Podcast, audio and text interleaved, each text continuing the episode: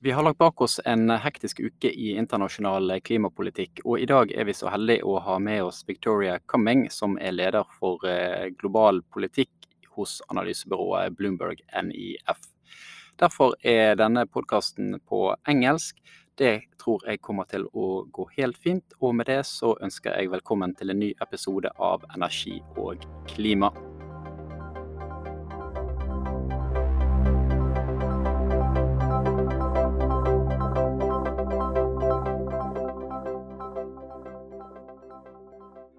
Today, we are delighted to have with us Victoria Cumming, Head of Global Policy at Bloomberg NEF. Uh, welcome to us, uh, Victoria. Thank you for having me. We're going to spend the majority of our time looking ahead to Glasgow and the COP26, uh, and what we know today will be the main topics there. But I would like to start off by looking back at last week. What are your initial reactions to the US led uh, Leaders Climate Summit that was held the previous Thursday and Friday, and where the US made a, a new pledge of 50 to 52% emission reductions by 2030 compared to, to uh, 2005? So I guess the, the last week's summit had two main goals. Um, the first one was for the US to start rebuilding its credibility as a climate leader. So it's now back in Paris, and so it was an attempt for um, the US to say, hello, we're back in the room, we're fully committed to tackling climate change. But it was also meant to galvanize um, the efforts of other countries as well. So to say, hello, we're back in the room, and we've put forward our new, more ambitious targets. And so this is a way of encouraging other governments to follow suit. So uh, we say that it, was partly successful. It's kind of, the US is now kind of back on the path to rebuilding its credibility. The new target is a significant uh, increase in ambition.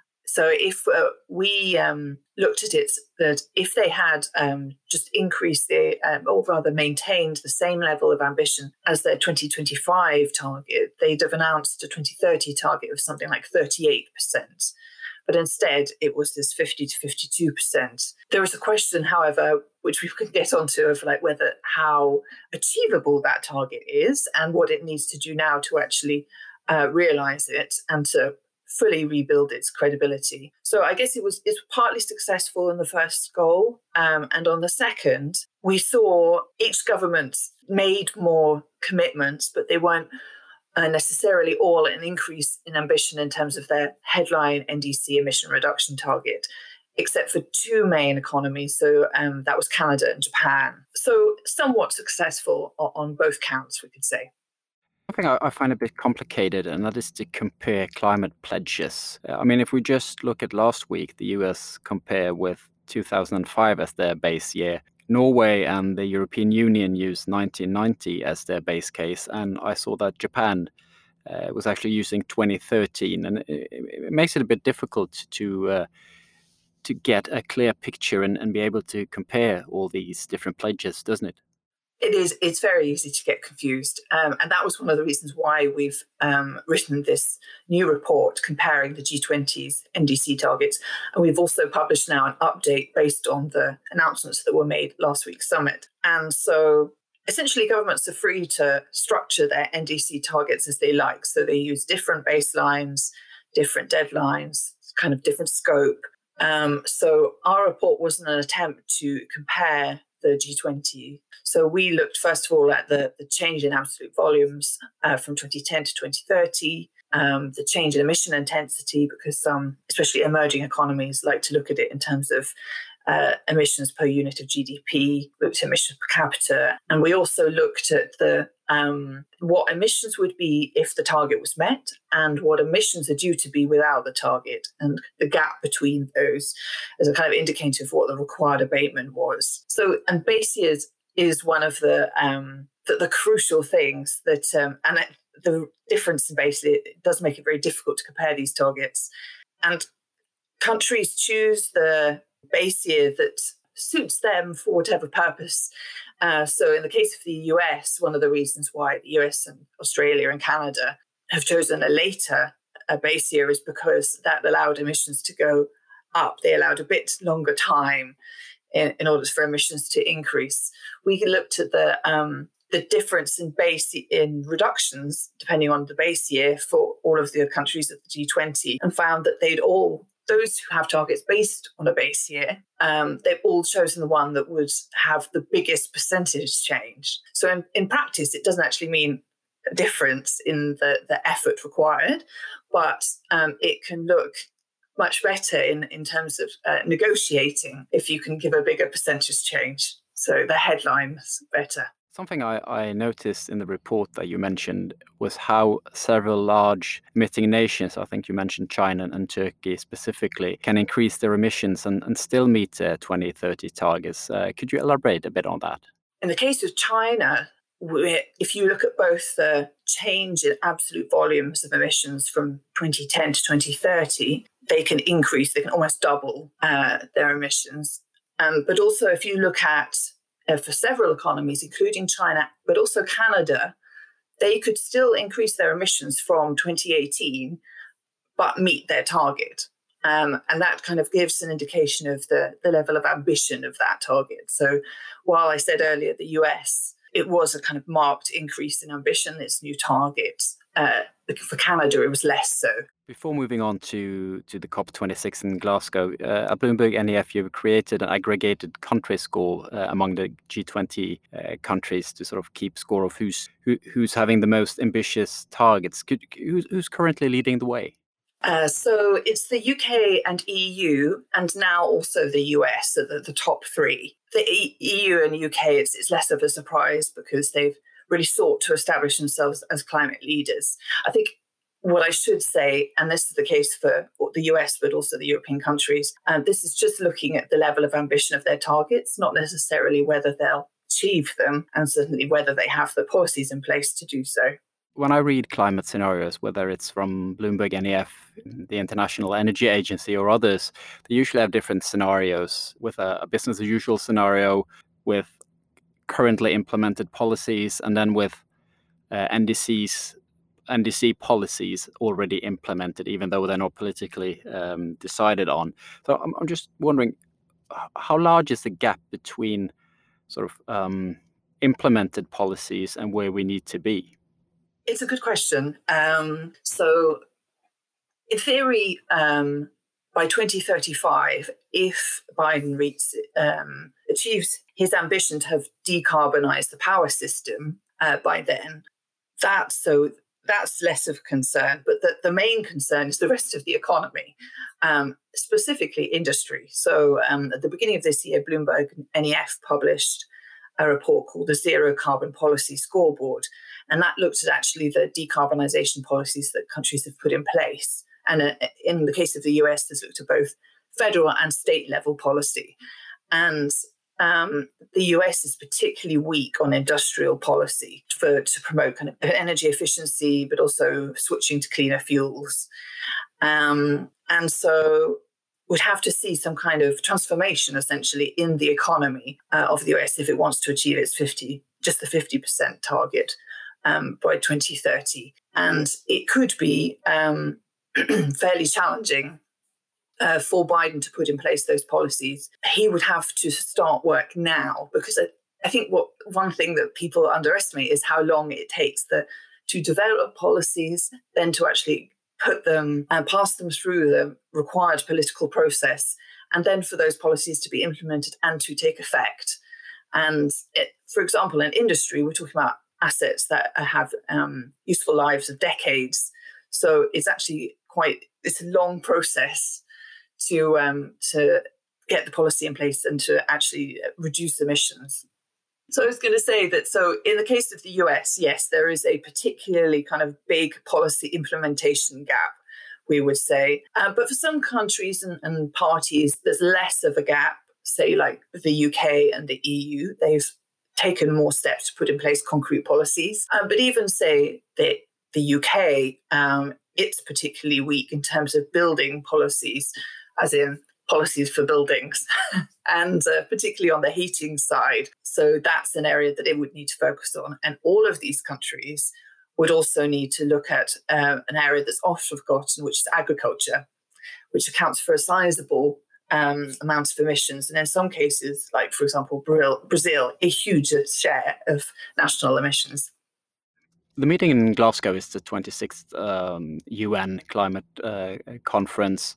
And even though there, has been several conferences since Paris in 2015, I, I, keep reading that the Glasgow meeting is, is it's coined as the most important since Paris. How, how is that? Well, one of the reasons is that uh, we're at a crucial stage um, within the implementation of the Paris Agreement. So we're really uh, kicking off the first uh, pledging and reporting cycle for these nationally determined contributions, NDC climate plans. And so uh, the idea was that um, parties were meant to restate or update um, their climate plans before COP26. Um, and it would give an indication of um, what those pledges were, the kind of level of ambition, and whether any of those parties have actually increased ambition since Paris was signed. Um, and so that kicks off.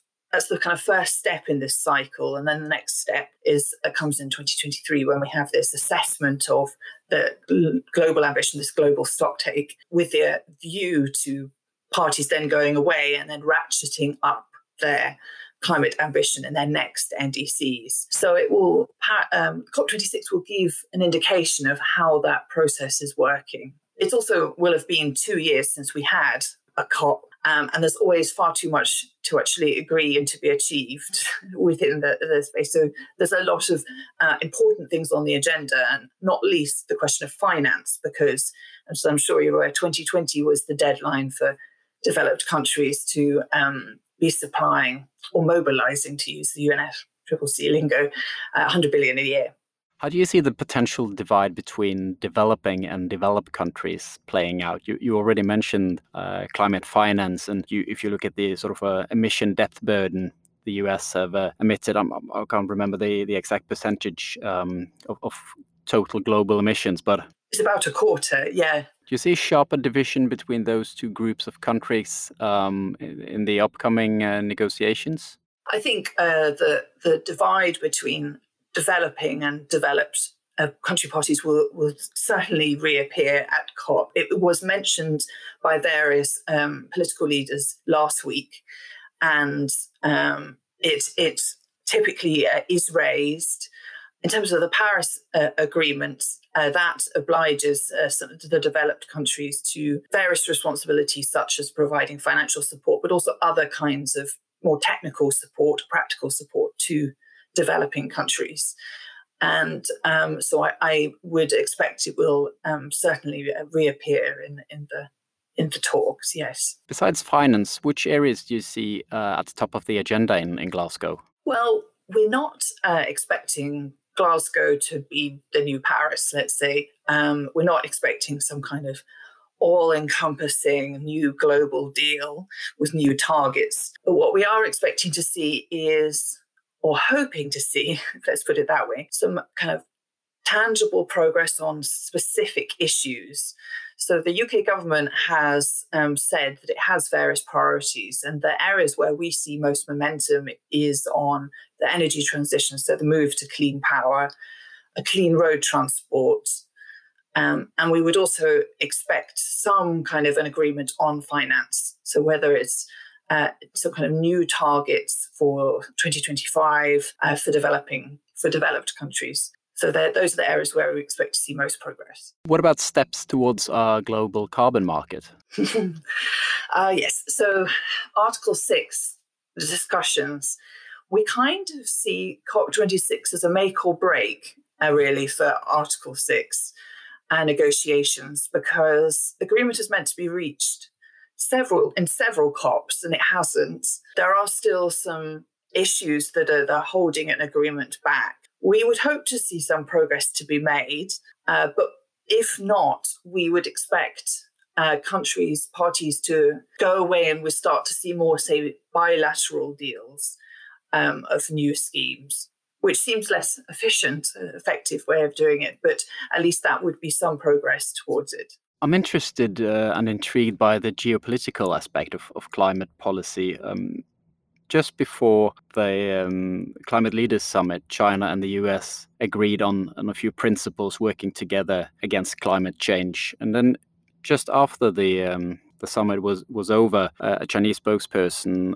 said that the US really have to prove that they're in the game, referencing uh, how the country previously have opted out of both the Kyoto and, and the Paris Agreement. How, how do you see the, the relationship between US and China going forward? I know it's a, it's a massive question, but do you have any um, initial thoughts?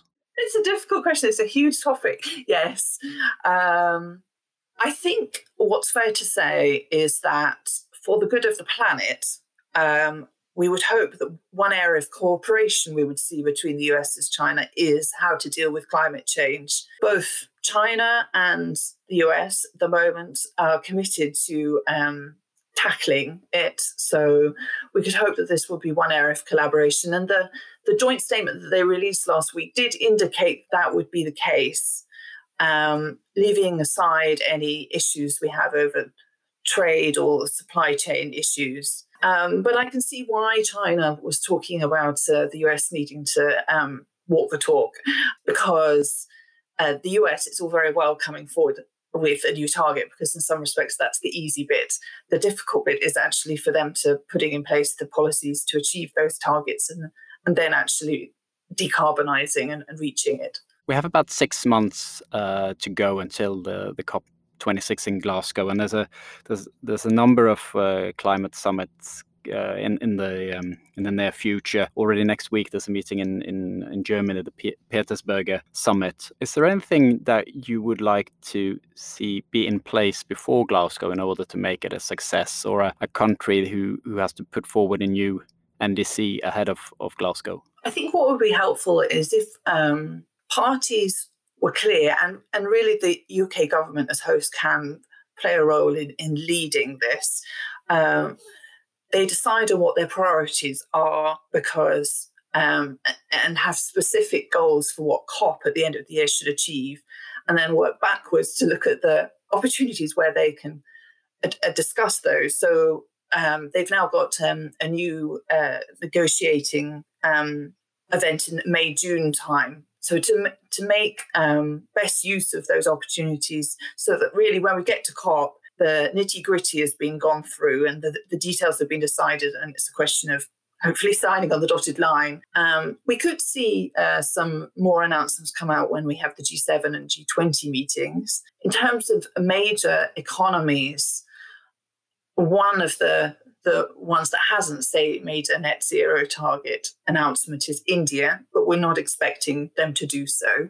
Certainly not before COP, um, and certainly and uh, same as that applies for Australia, but for different reasons. We could see, say, um, out of G20 or, or G7 meetings, uh, announcements come out of making use of existing mechanisms like, uh, say, the Powering Past Coal Alliance, so we could see more announcements for countries around phasing out coal power or investment in um, coal-fired power abroad, or say phasing out um, ICE vehicles.